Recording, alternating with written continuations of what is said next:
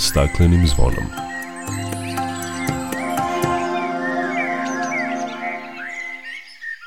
Dobar dan i dobrodošli na Zeleni talas prvog programa radija Radio Televizije Vojvodine. Ja sam Dragana Ratković. Lepo vreme omogućilo je nastavak akcije Sadimo sada za budućnost Novog Sada, pa je proteklih dana zasađen mladi drvored Koprivića. Govorit ćemo o tome, ali i o projektu spasavanja starih drvoreda Novog Sada, jer je njihovo očuvanje u gradskoj sredini od neprocenjivog značaja sa biološkog i ekološkog aspekta, ali i benefita koje ima za građane. Čućete i prve rezultate Međunarodnog zimskog popisa ptica vodenih staništa obavljenog u januaru, kao i rezultate akcije Ptice moje hranilice koju realizuje Društvo za zaštitu i proučavanje ptica Srbije. Biće reči o planovima u cilju očuvanja i unapređenja kapaciteta zaštićenih područja kojim upravlja javna ustanova rezervati prirode u Zrenjaninu, kao i o odbacivanju rogovlja visoke divljači koje se dešava sada u zimskom periodu. O ovim temama više nakon pozdravne pesme. Dok priroda kraj nas plače Za vladarskim svojim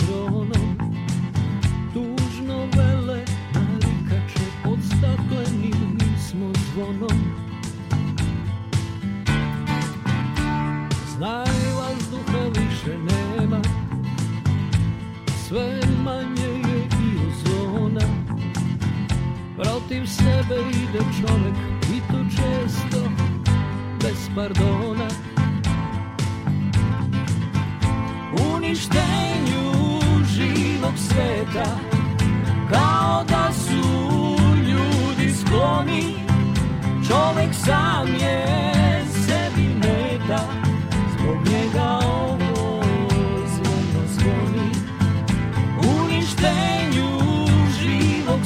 sveta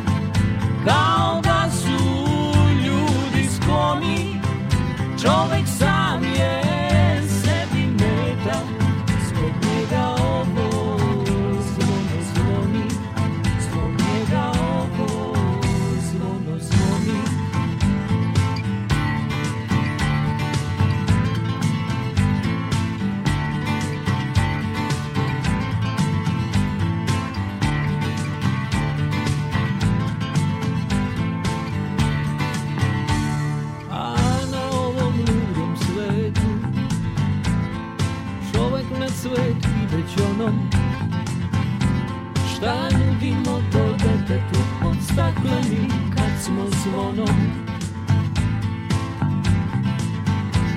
Uništenju živog sveta Kao da su ljudi skloni Čovek sam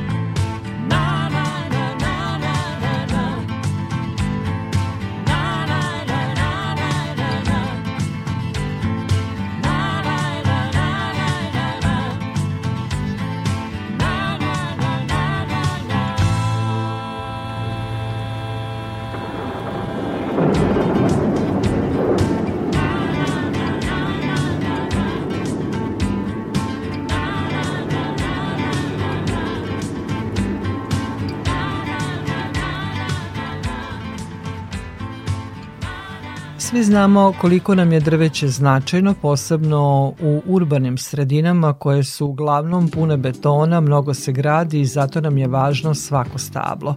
U Novom Sadu mnoga stabla su prošle godine u julskoj oluji stradala, što je dodatno osiromašilo zelenilo grada. Lepo vreme proteklih dana omogućilo je da bude nastavljena akcija Sadimo sada za budućnost Novog Sada, pa je na limanu zasađen mladi drvored Koprivića. Opširnije Davorka Jelena Draško. U prošlogodišnjim superčelijskim olujama u samom gradu stradalo je oko 3000 stabala. Kako bi se nadoknadila šteta dodatnom sadnjom u narednih nekoliko godina, planirano je ne samo da se nadomesti broj stradalih stabala, već i da se udvostruči, pa će u budućnosti biti zasađeno 6000 stabala više od planiranog, naglašava članica Gradskog veća za zaštitu životne sredine Mira Radenović-Bojić. Ono što je nastavak zapravo te akcije jeste 17 koprivića koje sadimo ovde na praktično granici između limana 3 i 4 i sadit ćemo još 11 koprivića. Ono što je važno u narednih nekoliko dana preko 114 stabala dodatnih će biti posađeno na teritoriji limana, a polako se povezujemo na taj način sa Limanskim parkom gde smo u prethodnih e, mesec dana zasadili preko 250 stabala.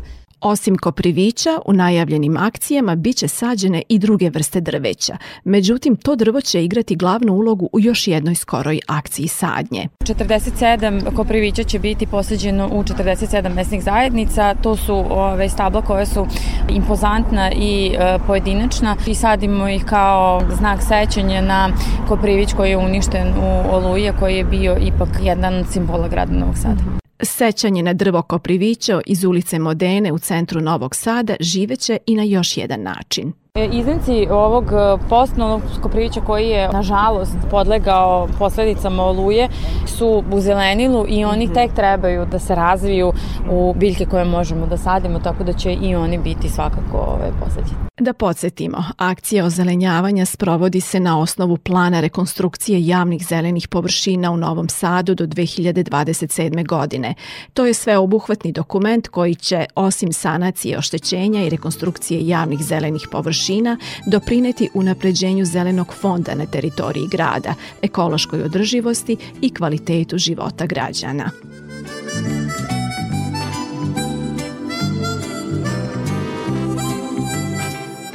Lepo je što sadimo mlade drvorede. Neki gradovi u Vojvodini poznati su po svojim drvoredima, ali s godinama njihovo stanje može biti narušeno, a važno je da ih sačuvamo. Istraživači Prirodno-matematičkog fakulteta u Novom Sadu započeli su projekat spasavanja starih drvoreda Novog Sada. Tim povodom razgovarala sam sa članom naučno-istraživačkog tima koji realizuje projekat Milanom Boriševim. Thank you. Jako nam je teško kada vidimo kako su drvoredi u pojedinim gradovima, da tako kažemo, goli. Često kritikujemo one koji su to uradili, ali stručnjaci kažu da trebamo da ih oporavljamo i da vodimo brigu o njihovom zdravstvenom stanju, da im ponovo vratimo onu funkciju koju imaju, a ona je višestruka, posebno kad je reč o urbanim sredinama. Jeste, svakako. Postoje razne mere u kojima možemo pristupiti da bi se brinuli o svim tim drvoredima. Jedna od tih mera jeste ta klasična, ja to zovem šumarska mera, pošto ja nisam šumar, ali sam direktno sarađivao sa šumarima, urezivanja, tako to je jedna od mnogih stvari koju možete da uradite kako da pomognete tom drveću. Svakako je ta pomoć tim stablima potrebna zato što su uslovi u gradskim sredinama često prilično ekstremni. Ima puno betona, ima puno tih veštačkih površina zgrada i to sve uslovljava pojavu povećane temperature, manje vode, voda se ne drenira tako lako u zemljište, imamo puno el, i tih odvodnih instalacija sve to zajedno dovodi do toga da imamo neku potrebu da malo više brinemo o tom drveću, a koje nam je svakako potrebno iz, iz raznih razloga. Koje su to funkcije drvoreda u jednoj urbanoj sredini? Obično su to neki stari drvoredi, neke nove drvorede gotovo da nemamo ili kako da kažem su oni još uvek mladi pa možda nemaju tu punu funkciju. Lepo ste sada rekli još uvek su mladi. Ovaj, može da se stekne možda čak i pogrešan utisak da se možda i ne vodi računa o tome. Ja znam i ljude iz gradskih službi koji zaista vode računa o tome, ali ovaj, ima to jedna anegdota o glavnom prokledstvu šumara kaže nikad neće doživeti svoju šumu. Prosto je potrebno vreme, ali tako da drveće, pogotovo neke vrste koje sporije rastu i koje su veće, glomaznije, da one dostignu neku svoju punu veličinu. Tako da je to isto tako potrebno sačekati da se neguje da, da ta šuma stasa. E sad, funkcije su razne i benefiti drvoreda su ogromni. Da krenemo od toga da je recimo generalno rečeno jedan balans koji pojava drvoreda u ulici donosi ekosistemski gledano neverovatan. Kad kažem ekosistemski mi imamo sad tu priču recimo o kvalitetu zemljišta, o kvalitetu vazduha, o temperaturi koja se niveliše prisustvom bilo kakvih zelenih živih stvari, a naročito drvoreda. Sad, recimo ako pričamo o temperaturi, svako od nas zna i osjeća kad stane na neki gradski trg koji je sav u nekom betonu mermeru koliko je toplije leti, pogotovo kada je i najvažnije izdržati tu toplotu, a prisustvo zelene vegetacije, naročito drveća, drastično to niveliše. Ima vrlo preciznih naučnih istraživanja o tome, recimo jedno istraživanje iz 2013. koje je radila jedna internacionalna ekipa kombinovana Kina, Amerika, Rusija, vrlo onako šareno, pokazala je da ako imate u jednoj klasičnoj ulici recimo s dve trake i parkingom i zgradama od nekoliko spratova, drvored sa obe strane, to redukuje temperaturu za do 1 stepen a može da bude više ako ukombinujete to i sa travnjacima i tako dalje. I onda su izračunali vrlo precizno da recimo u toplim letnjim mesecima da tada može da se poveća potrošnja električne energije. 50 do 65% u urbanoj sredini u odnosu na neur. A da prisustvo dva drvoreda sa obe strane ulice to spušta na 10 do 15%. I sad vi vidite koja je to ušteda. Samo sad pričamo eto o tom ekonomskom aspektu, da. naravno da to i prija čoveku kad uđe u ladovinu, jel? ali to je nešto što recimo nije nikad jasno vidljivo, jel? možemo da kažemo košta da se zasadi, košta da se održava. Međutim, mislim da su benefiti nemerljivo veći, teško ih je izmeriti, ali postoje. Kad je u pitanju temperatura. E sad tu su i ovi drugi aspekti svakako, kvalitet zemljišta, Zemljište, mi uvek zaboravljamo, je živa stvar. Zemljište ima puno mikroorganizama, gljiva i svega i svačega, beskičmenjaka i tako dalje. Sve je to živa stvar koja doprinosi kruženju materije i kada je biljka prisutna, onda je taj balans te neke mikrofauna zemljišta na mnogo višem nivou. I zemljište se bolje održava, duže opstaje, plodnije, više se toga vraća, tako da prisustvo korenovog sistema tome takođe doprinosi onda jedna holistička dimenzija kvaliteta zemljišta jeste vodozadrživost. To je nekako nešto što mi u fiziologiji biljaka najčešće spominjamo. Ako imate relativno otvorene površine, drenažne površine, sve to postoji u urbanizmu kako se radi. Jel? Onda se taj problem već delimično rešava. Govorili smo o funkcijama drvoreda, o benefitima koje imamo od uh, drvoreda, ali važno nam je svako drvo naravno u gradu i stoga je očuvanje tih starih drvoreda u gradskoj sredini e, neprocenjivo. Znamo da su pojedini gradovi u Vojvodini poznati e, po tome i Novi Sad ima neke svoje drvorede na koje tako smo je, ovaj, ponosni ali svi ovi faktori urbanog života utiču i na zdravstveno stanje ove, drveća i stoga vi na Prirodno-matematičkom fakultetu Departmanu za biologiju i ekologiju radite jedan projekat koji je veoma značajan, na koji se tiče očuvanja starih drvoreda u Novom Sadu. Jeste, ako posmatramo drvorede po nekom starosnom faktoru, naravno da postoje drvoredi koji su stari, velelepni, drevni i oni imaju svoju vrednost ne samo u ovom kontekstu poboljšanja nekih kvaliteta vazduha, neke te mikroklime, nego jednostavno imaju tu neku socijalnu, društvenu dimenziju. Ima svoju estetsku funkciju i naravno briga o takvim stablima je malo zahtevnije i drugačija, pogotovo u urbanim uslovima jednog grada kao što je Novi Sad koji se stalno razvija, jer tu postoje razne onda razni problemi, opasnosti, od visokog drveta, velikih grana i naravno i brige koja nosi kada se usmerite na zdravlje tog stabla. Tako da ovaj projekat je zamišljen upravo tako da ćemo mi pokušati da primenimo neke malo modernije metode nedestruktivne praćenja neke fiziološke aktivnosti tih stabala da vidimo kako se one malo preciznije da utvrdimo kako se ona prosto aklimatizuju u često vrlo teškim uslovima, naročito onim najtoplijim letnjim mesecima jer to je naravno vezano i za promene klime, jer klima definitivno ima neki korak ka promeni, ka jednoj destabilnosti koja donosi te vruće talase, kada je i suša veliki problem, naročito je nedostatak vode veliki problem i onda sad sva ta stabla možda koje nisu tako bila izložena tim stresnim faktorima pre 50 godina sad zahtevaju da malo više se brinemo o njih. I drveće je živo biće, ima tako svoje je. osjećanja. Verujemo da jesu pod stresom, tu su i brojni infrastrukturni radovi koji Jest. svakako utiču i na koren same biljke i zbog toga smo se čudili prošle godine tokom one julske oluje kada su na izgled zdrava stabla padala i pitali smo se šta se u stvari desilo. Mislim na kraju krajeva i zdravo stablo je pod stresom u takvim uslovima, ali kako ste sad lepo rekli, ovaj, postoje ti urbani pritisci i jednostavno nekad je nemoguće potpuno sačuvati situaciju tako da je za te naše zelene pokrivače idealno. Jer kad pričamo recimo sada o dosta velikoj urbanizaciji, tokom recimo tih radova isto često dođe do degradacije zemljišta. Prosto mora nešto da se iskopa, da se ponovo zatrpa. U tim svim promenama nije lako misliti na taj deo aspekta, a to je kvalitet zemljišta i onda ostane od građevinskih radova svašta u tom zemljištu, pa je to sad još dodatni faktor. Tako da sve to zajedno stvara stres i zaista postoji u fiziologiji biljaka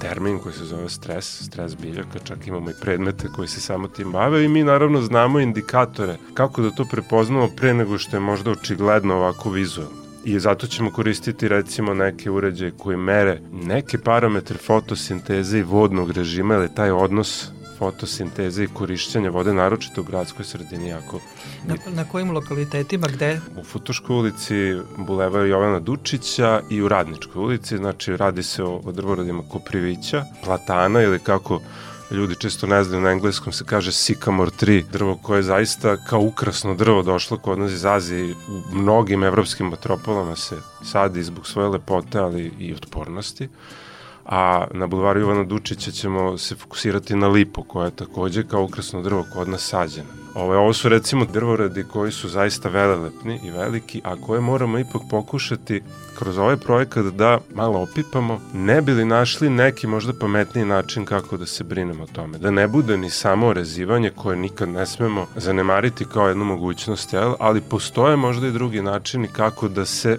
malo doprinese da to drveće lakše opstane i da nam duže traje. Da li će se ti rezultati moći koristiti recimo i primeniti na novosadske parkove? Apsolutno da, to su jednostavno univerzalne stvari, univerzalne rezultati koji će, nadam se zaista, nadam se, nego siguran sam da ćemo doći do nekog novijeg rešenja, a naravno za parkove to isto onda važi, mada pritisak koji ima drveće u parku je mnogo, mnogo manje nego drveće recimo na Futoškoj pijaci, na jednoj raskrsnici koja je potpuno okovana veštačkim betonom, asfaltom. Park ipak ima jedan svoj sklop, zbog čega u parku vi možete da sadite ono i neko drveće koje nije tipično otporno. Upravo zato kad recimo uđete u Dunavski park, onaj ko hoće da obrati pažnju ima zaista velika paleta različitog drveća, ukrasnog i autoktonog i nekih ukrasnih vrsta koje su jednostavno lepe na oko, ali te vrste ne bismo mogli saditi u Futoškoj ulici, prosto tamo je selekcija vrsta takva da morate birati ono što je otpornije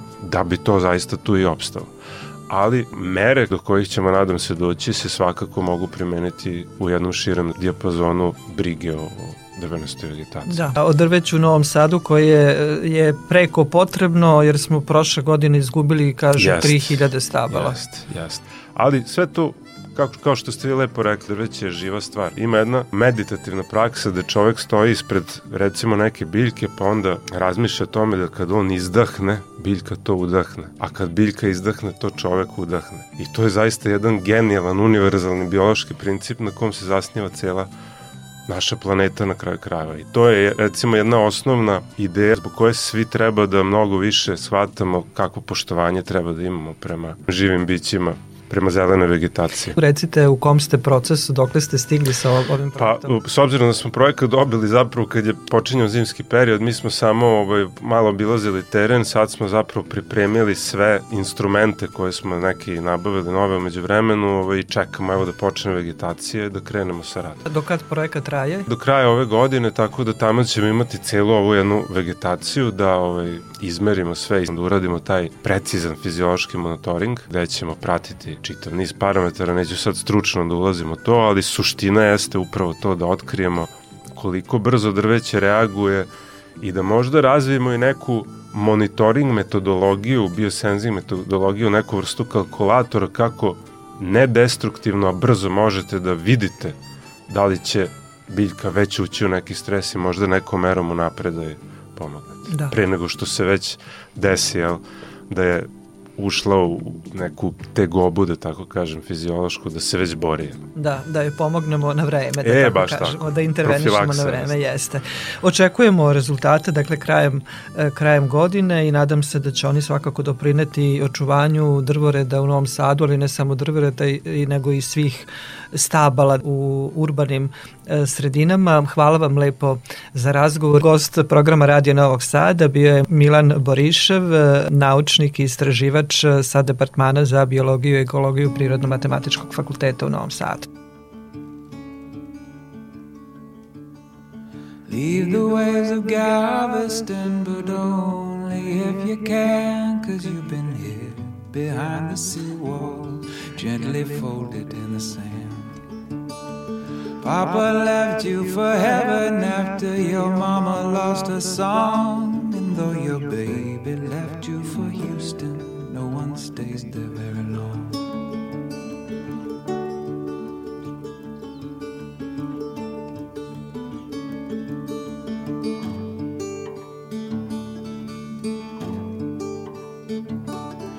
a graveyard by the pizza parlor, a gate that only closes. Snowbirds fly away like secrets no one really wants to know.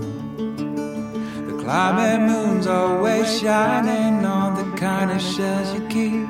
The broken horse tied to the water towers running in his sleep.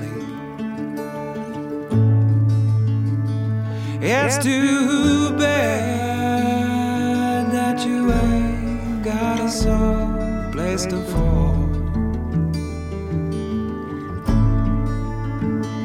It's too bad Texas leads to the least of us all. And says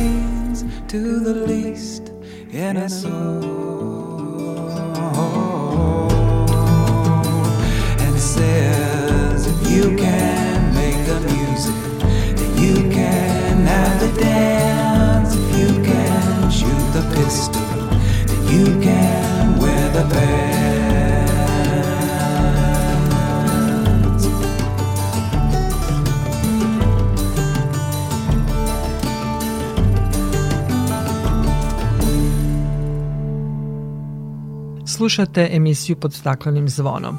U januaru je organizovan međunarodni popis ptica vodenih staništa. Akciju je kod nas realizovalo Društvo za zaštitu i proučavanje ptica Srbije. O rezultatima popisa razgovarala sam sa koordinatorom akcije Markom Šćibanom. Marko, u popisu je učestvovalo preko 120 ornitologa, članova i volontera koji su obišli preko 1000 lokaliteta, pa recite nam kakvi su rezultati popisa. I šta je u ove godine bilo u fokusu popisa? Ove godine nismo imali nikakvih specijalnih ciljeva, osim ono što je najvažnije, a to je da pokrimo što više lokaliteta, da zabeležimo kako je stanje voda na njima i da opišemo ptice u skladu sa metodologijama koje smo već upražnjavali godinama unazad. I što se tiče samih rezultata, mi tek sada ih prikupljamo, ali ono što se može reći ovako na prvi osjećaj jeste da smo imali dosta manje ptica ove godine, guske nam opet nisu došle u većem broju kao što je to bilo nekad, nekako su nas zaobiše ili ostale u nekim drugim delovima Evrope. Takođe ono što zabrinjava jeste smanjena brojnost gluvare, naše najbrojnije zimske ptice i, od, i lovne vrste. Tako da to malo zabrinjava, ali vidjet ćemo kad se sve sabere u kolikom padu se zapravo brojnosti radi. Ono što je zabrinjavajuće iz godine u godinu trend sve manje lisaka, to je ova crnabarska koka sa belim kljunom, koja je nekad bila onako prilično brojna i takođe lovna vrsta, a sada je, nam je sve malo brojnije i na gnežđenju i na zimova. E, koje su bile najbrojnije vrste? Pa najbrojnije su bile upravo gluvare, iako je, kažem, mnogo manje nego što ih je bilo ranije, kad smo beležili i preko 200.000 na popisu, sad je sigurno ispod 100.000, znači više od 50% je. I taj trend je, se dešava već godinama unazad, ne znamo zašto, da li je to ptiči grip ili pret preterani lov ili neke bolesti, to sve ne znamo, ali najbrojnije vrste su bile gluvara i obični gale. Iza njih sledi velika lista guska. To su tri najbrojnije vrste, nekoliko godina unazad. Da li se mogu pretpostaviti razlozi zbog čega je ove godine smanjen broj e, vrsta ptica u zimskom popisu? To se tek nakon niza godina, kada se podaci saberu na nivou Evrope, vidi šta se dešava. Ptice nisu vezane za države, nego za staništa kroz prizmu klimatskih prilika, da li je negde jako hladno i sve zaleđeno, da li ima hrane ili nema, da su veliki snegovi. Ptice se u skladu sa time pomeraju tako da mogu ostati u Rumuniji, u Ukrajini, u Mađarskoj, u Poljskoj, čak guske sad masovnije ostavljaju neke vrste pataka ronelice sada ostaju u Baltičkom moru koje je ranije redovno komplet ledilo, a sada je potpuno odleđeno veći deo zime, tako da neke ptice prosto ostanu u drugom delu Evrope, ne dođu da zimuju ili se iz nekog razloga usled nekog hladnog talasa kakve smo imali početkom januara spuste u Mediteran i u sever Afrike, tako da ti pomeranja ima, ali tek na nivou Evrope se zna da li je zaista kod neke vrste došlo do pada ili ne, ali na nivou naše zemlje mi možemo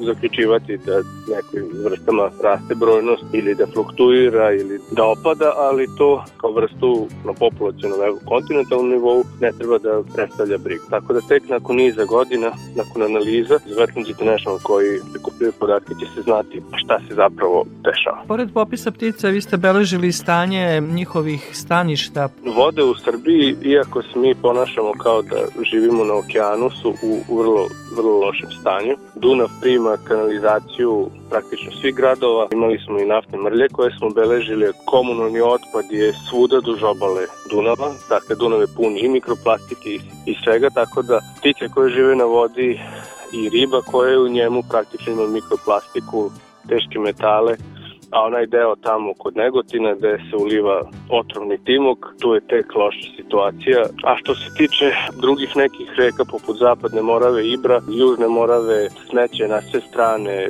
otpadne vode, tako da što se tiče samih staništa loše. A što se tiče ovih e, slatina, vodoplavnih livada, e, takođe ih iz godine u godine beležimo sve više preoravanja, često ilegalnih, a slično je i sa, i sa nekim drugim staništima i lokalitetima. Takođe iz godine u godinu sve manje aktivnih ribnjaka. Ribnjaci su nekad bili izuzetno važno kupilište za ptice i iz godine u godinu jedan po jedan se posebno ovi veliki gase i ptice onda nemaju više ni ribnjake kao utočište, a u Vojvodini imamo svega nekoliko velikih prirodnih jezera poput Palića, Ludaša, Stanokopova, Rusande, Okanja koje nažalost opet iz godine u godinu zbog tih klimatskih promena, odnosno sve manje padavina, sve većih temperatura, presušuju tako da su na, na njima nivoji vode veoma niski ili često i, i presuše, a u zimi i zalede, tako da jako je malo zapravo stanište na kojima se ptice uspevaju sakriti.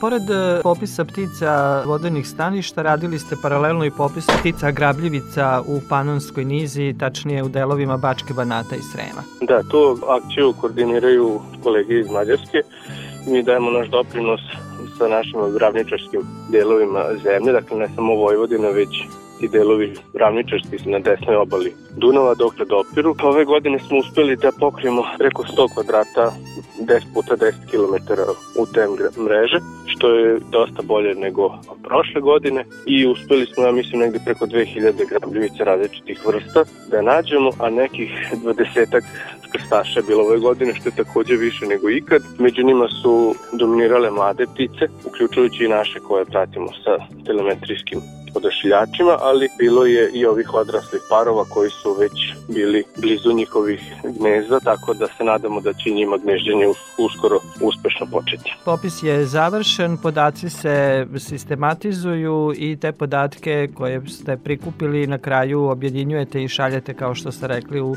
svetsku bazu podataka koju vodi organizacija Wetlands International iz Holandije, ali šta nam ti podaci iz prethodnih godina kazuju? Ptice su dobri indikatori stanja životne sredine. Da, ptice i insekti su na nivou biodiverziteta najbolji indikatori stanja ove životne sredine i preko njihovih padova ili porast populacije možemo da zaključimo da negde se dešava nešto dobro ili loše. Ukoliko negde aktivna zaštita uspešna, radi se na obnovi staništa, nema uzlemiravanja, dolazi do povećanja brojnosti, negde gde se nešto loše dešava, dolazi do padova. Ovi podaci kada se saberu zapravo se koriste za analize koje se na kontinentalnom nivou rade. To rade stručnjaci iz konvencija koje je potpisnik Republika Srbije, dakle Benska, Bonska, a Eva konvencija koja se bavi zaštitom ptica na afričkom, evroazijskom migratornom putu i Ramsarska konvencija koja je praktično poput Benske predstavljaju u Evropskoj uniji i kod nas je takođe usvojena, predstavljaju zakon preko kojih se štite pojedine vrste. Pojedine vrste će tako u budućnosti postajati zaštićene, neke dobrim delom već jesu, ali neke će postati i lovne vrste ukoliko su se u ogromnom broju obnovile svoje populacije, poput kratkokljene guske i belolike guske recimo, koje imaju sad već više milijonske populacije, one će u nekim zemljama ta, na taj način verovatno postojati lovne vrste, dok negde gde su one izuzetno redke, kao recimo što je postala guska glogovnjača kod nas, koja je dalje na listi lovnih vrsta u Srbiji, a mi za praktično 20 dana rada nas preko 100 nismo zabeležili ni jednu jedinku. Te vrste će recimo postajati, jer imamo sad dosta dobre podatke, postojati za svog zaštićene vrste. I nema smisla da se lovi nešto čega zapravo nema. To je zapravo proces koji se radi, on je spor, ali je utemeljen sa podacima na kontinentalnom nivou i na taj način se onda dobijaju zaključci. Dakle, saznanja do kojih se dolazi kroz ovo istraživanje koriste se za preduzimanje konkretnih mera u zaštiti populacije divljih ptica. Evo, spomenuli ste i lovne vrste e, ptica i uopšte ti podaci su značajni za vodena staništa za njihovo očuvanje. Marko, hvala vam lepo na razgovoru i to ste nam predstavili podatke iz zimskog popisa ptica vodenih staništa, mada oni još uvek nisu konačni, ali ovi prvi utisci su nam bili i tekako dragoceni. Hvala, prijetno živjeli.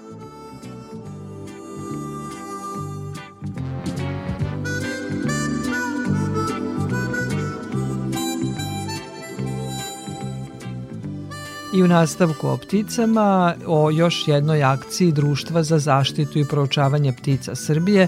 Naime, oni su od 19. do 21. januara organizovali i akciju, kako oni kažu, građanske nauke Ptice moje hranilice, čiji je cilj bio da podstaknu i poduče građane kako da u zimskim mesecima na pravilan način prihranjuju ptice, ali i da ih posmatraju, zabeleže podatke i dostave tom udruženju, a mogli su i da ih i fotografišu i učestvuju u fotokonkursu. Kakvi su rezultati te akcije, reći će nam član tog društva Uroš Stojiljković sa kojim sam o tome razgovarala.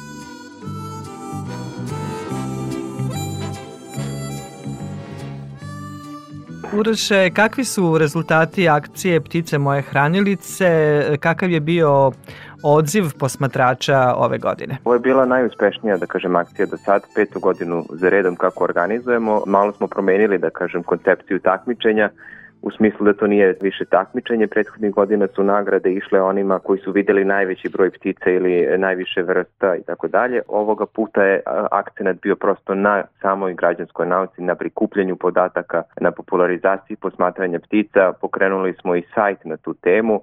Imali smo jednu ozbiljnu, da kažem, kampanju na društvenim mrežama i u medijima, tako da je to sve urodilo plodom. Imali smo 811 posmatrača širom Srbije, u gotovo u svakoj drugoj opštini. U 90 opština je bilo makar jedan posmatrač. U Srbiji imao 190 opština, tako da to je izuzetan rezultat. Na najbrojniji je bio Novi Sad, generalno Vojvodina prednjači. Najviše brojača je bilo u Novom Sadu, zatim u Beogradu i zatim Zrenjanin i Pančevo. Tako da, kažem, Vojvodina prednjači, ali to je i očekivano s obzirom da tu na toj teritoriji postoji duža ornitološka tradicija. Ukupno su ovi brojači izbrali 21.540 jedinki, preko 75 različitih vrsta ptica, što onih koje zaista dolaze na hranilice, što on, oni koji žive u nekom neposrednom okruženju. Popisivanje tako i bilo koncipirano da, da ne morate da imate hranilicu, možete prosto da izdvojite sat vremena tokom tog vikenda i da prošetate i zabeležite ptice. Rekli ste preko 75 različitih vrsta ptica, koje su bile najbrojnije? Najbrojnija je bila velika senica, 5305 jedinki, na drugom mestu je vrabac pokućar sa 2793 jedinki i na trećem poljski vrabac, njegov rođak sa 2036 i u prvih deset su još divlji golub, siva vrana, plava senica, zelentarka, gugutka, svraka i zeba. To su uglavnom dakle, neke sitnije ptice, ptice iz roda pevačica koje, da kažem, posećuju hranilicu i, i u toku zimskih meseci nekako se približavaju ljudima, dolaze u ljudska naselja prosto da bi lakše prebrodila zimu. Kakve su vaše ocene ovogodišnje akcije? Mi smo izuzetno zadovoljni, vreme nas je prosto poslužilo. Godina je bila takva da je prosto bilo dobro za prihranjivanju. Prethodne godine je bilo jako malo ptica na hranilica, ovoga puta je bila sasvim drugačija situacija dosta raznovrsnih ptica je dolazilo, a naravno zadovoljni smo i ovim odzivom, izuzetno nas raduje. Govorimo o nekom profilu nekog prosječnog posmatrača, to bi bila neka žena od 40 godina, naime duplo više žena je bilo među brojačima i ono što nas izuzetno raduje, čak 123 porodice se uključilo, tako da je ovo jedna izuzetno lepa aktivnost, ali i poruke koje smo mi dobili od učesnika su sada po prvi put zapravo malo bolje posmatrali šta je to što ih okružuje, da su otkrili neke nove vrste, da im je bilo umirujuće, da nisu znali kako vreme brzo prolazi kad se broje ptice. To je ono što nas izuzetno raduje, pogotovo što su se priključili neki ljudi koji nisu, da kažem, ranije učestvovali u našim akcijama, Tako da mi smo jako, jako zadovoljni i evo već sa netrpljenjem očekujemo i narednu godinu da uvedemo još neke novine i, i da, da, da kažem da te podatke zapravo sakupljamo u kontinuitetu što i jeste važno. Osim što su posmatrali ptice, neki su i fotografisali, organizovan je i fotokonkurs, e, najbolji su i nagrađeni. Tako je, imali smo i fotokonkurs kao i svake godine, e, stiglo je preko 250 fotografija, 93 autora i autorki širom Srbije, ograničenje je bilo tako da najviše mogu da pošalje svaku uh, po tri. Žiri imao težak zadatak da od tih 250 odabere samo jednu najbolju, tako da su neplanirano uveli neke pohvale. Pobedila je Jelena Ivković iz Niša sa svojom fotografijom plavih stenica. To je zaista divna fotografija u jednoj zimskoj atmosferi, jedna neobična hranilica, jedna bundeva raspolućena u kojoj je posuto neko semenje i tu su se okupile te plave stenice koje su inače izabrane za pticu ove godine 2024. po, po glasanju naših članova tako da eto i to se poklopilo, a naravno bilo je još e, pohvaljenih fotografija Julija Joksimović, Olja Simović, Mihajlo Simović, Miodrag Zlatarov, eto da, da pomenemo i, i te ljude koji redovno učestvuju na našem fotokonkursu. Fotografije možete pogledati na našim društvenim mrežama, zaista su divne. Zaista i lepa akcija, tim pre što iz godine u godinu mnogo više je posmatrača, oni koji posmatraju i uživaju i upoznaju ovaj ptiči svet, a ujedno im i pomažu da prebrode zimske dane. Uroše, hvala vam lepo za razgovor i učešću u programu Radio Novog Sada. Hvala vama, Dragana, što uvek izdvojite vreme za ptice.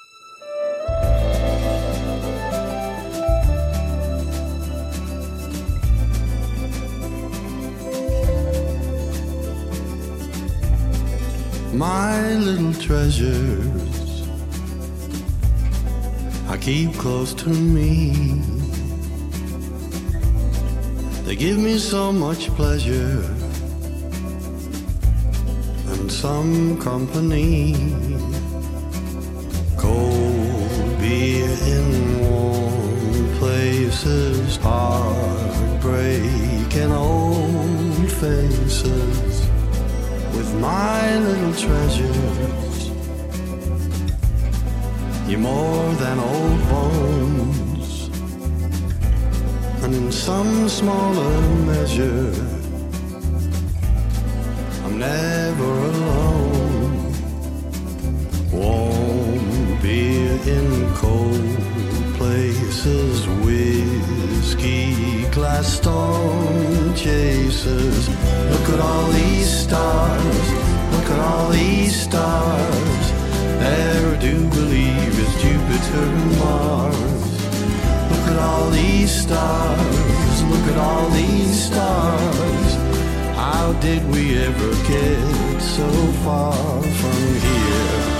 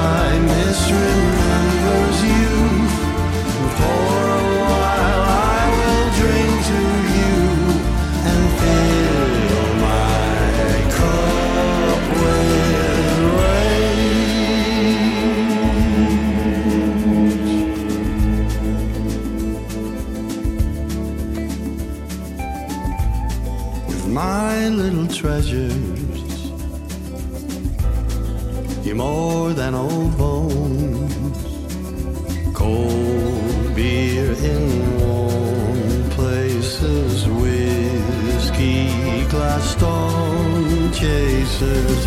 Look at all these stars, look at all these stars. I do believe is Jupiter and Mars. Look at all these stars, look at all these stars. How did we ever get so far from there to here? Slušate emisiju pod staklenim zvonom.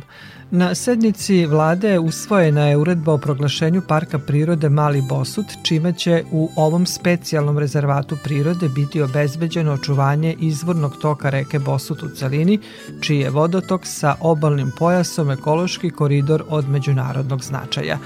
Takođe, vodena, močvarna, priobalna i šumska staništa čine stanište za 131 takson viših biljaka, 26 vrsta sisara, 27 vrsta beskečmenjaka, 11 vrsta vodozemaca, 9 vrsta gmizavaca, 118 vrsta ptica, 62 vrste planktona i 16 vrsta ribe. Donošenjem uredbe o proglašenju Parka prirode Mali Bosut povećava se ukupna površina pod zaštitom i približava predviđenom procentu od 9% teritorije Republike Srbije.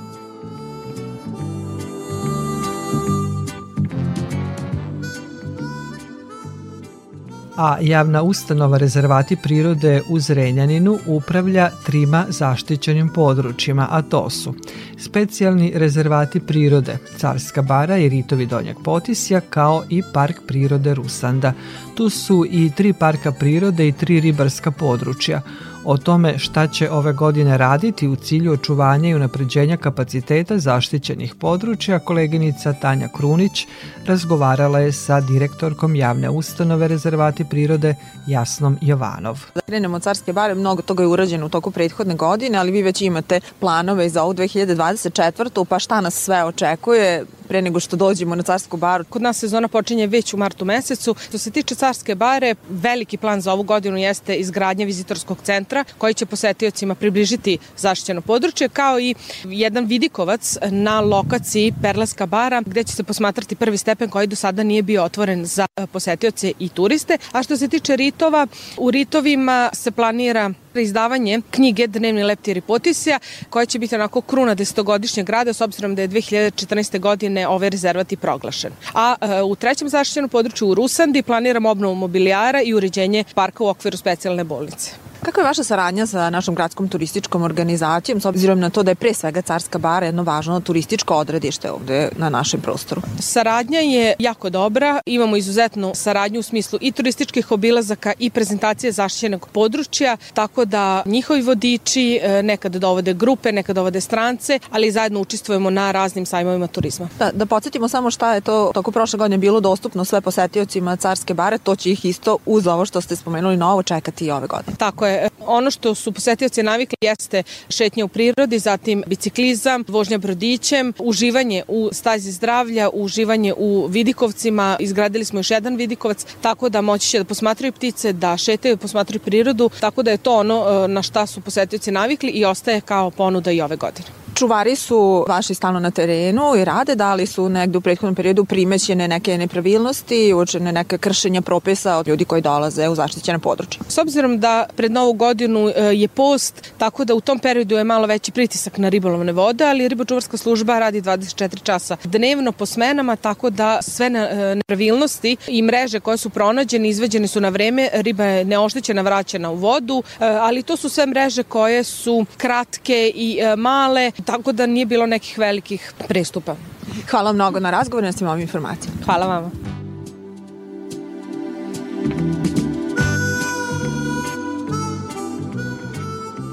Slušate emisiju pod staklenim zvonom. Tokom zime priroda ne miruje.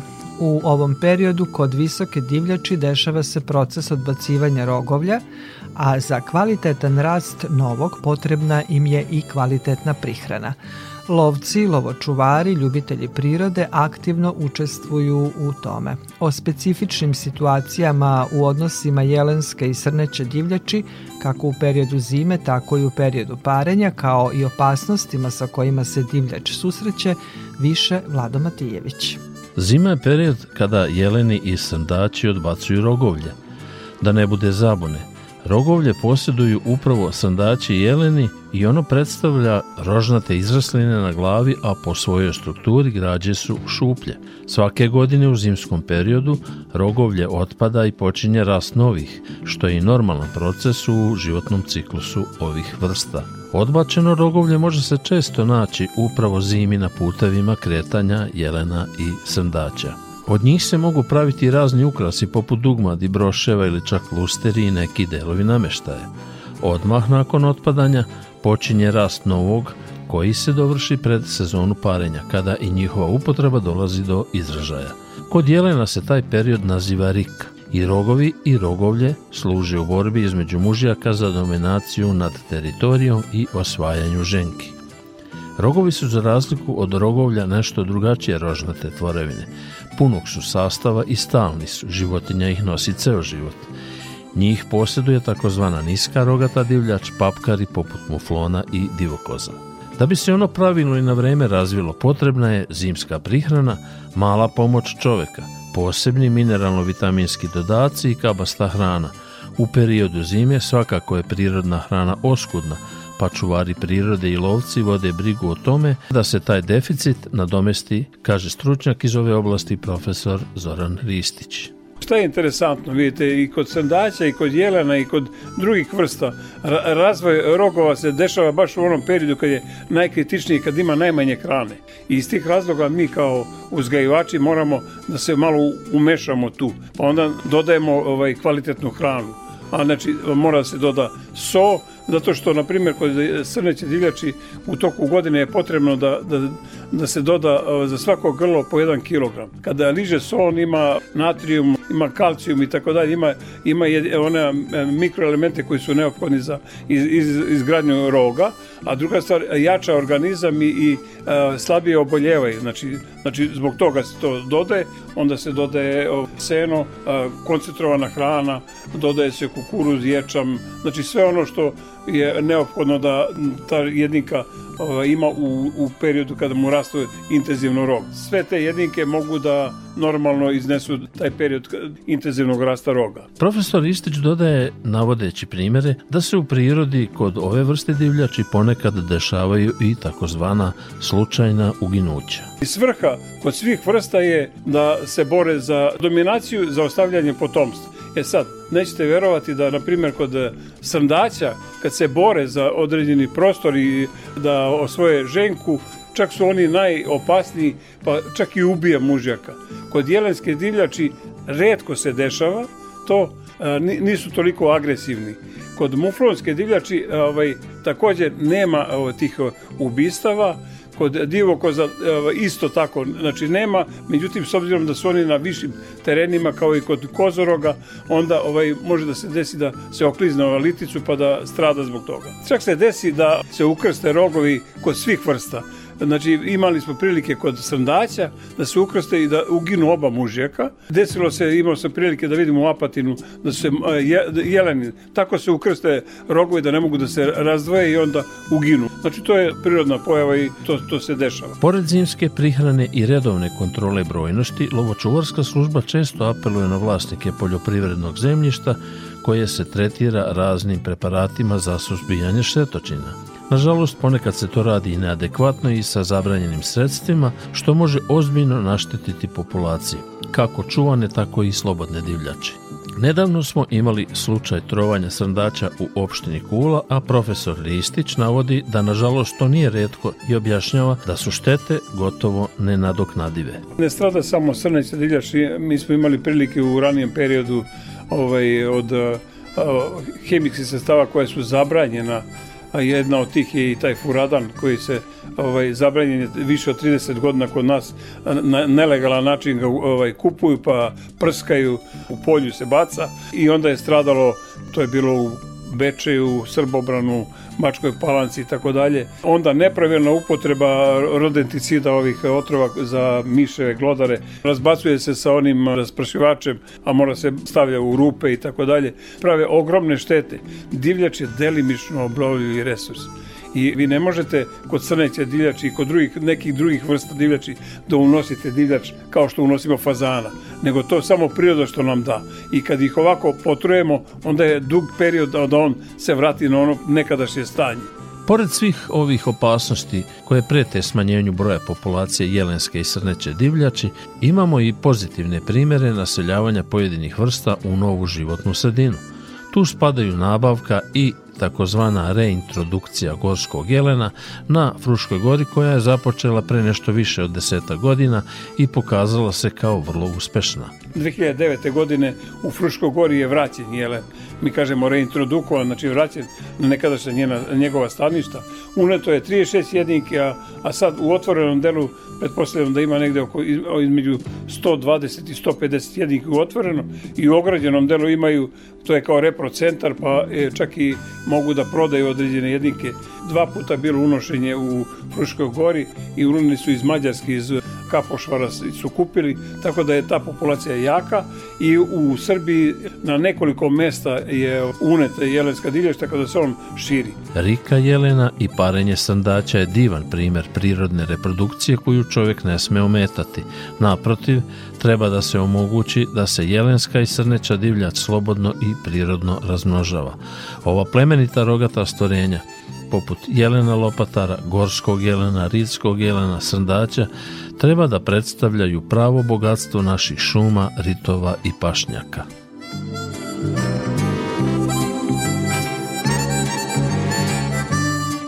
Toliko u ovom izdanju emisije pod staklenim zvonom koju možete slušati i odloženo na podcastu Radio Televizije Vojvodine na adresi rtv.rs.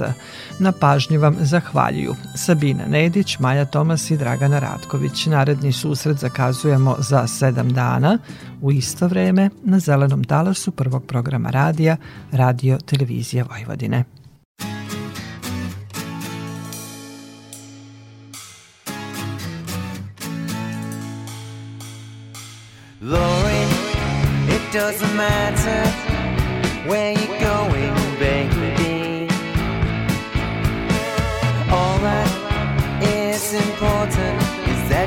Been dreaming lately.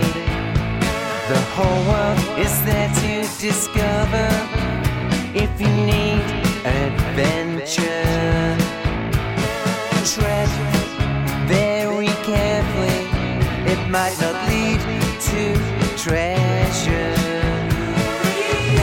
See the skies, and white. Close your eyes, shut them tight. In the sand, holding hands, we are living.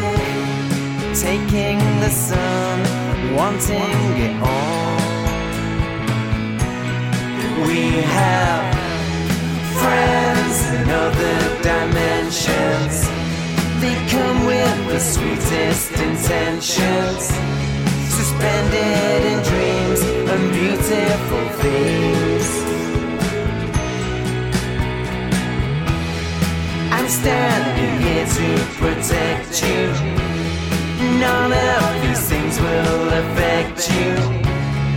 Beautiful things suspended in dreams.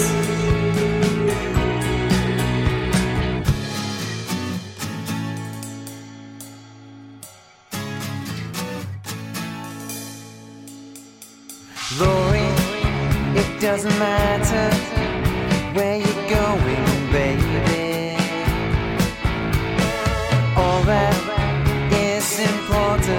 that you've been dreaming lately. You can just call me if you need time to recover. There's a meadow and there's a mountain. We could talk forever. See the skies, pink and white. Close our eyes, shoot them tight. In the sand, with my hands, we are living.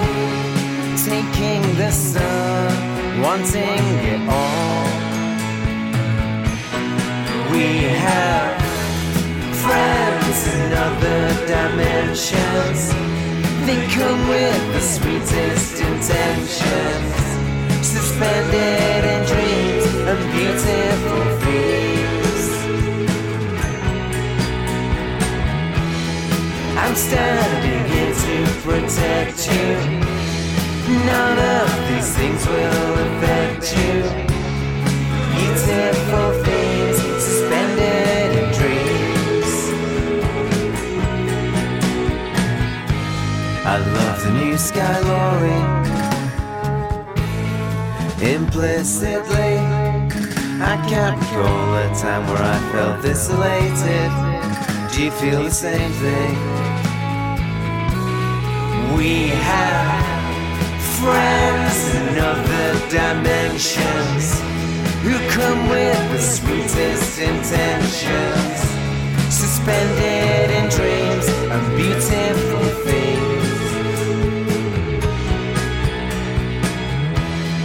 I'm standing here to protect you.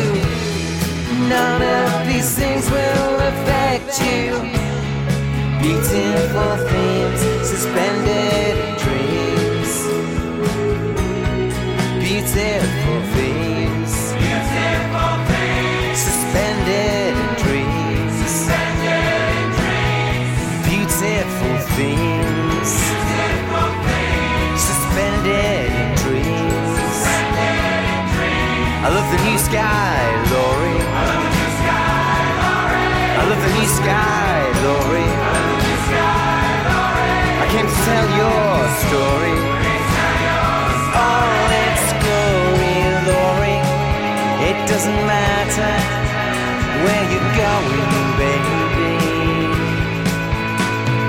All that is important is that you're still dreaming.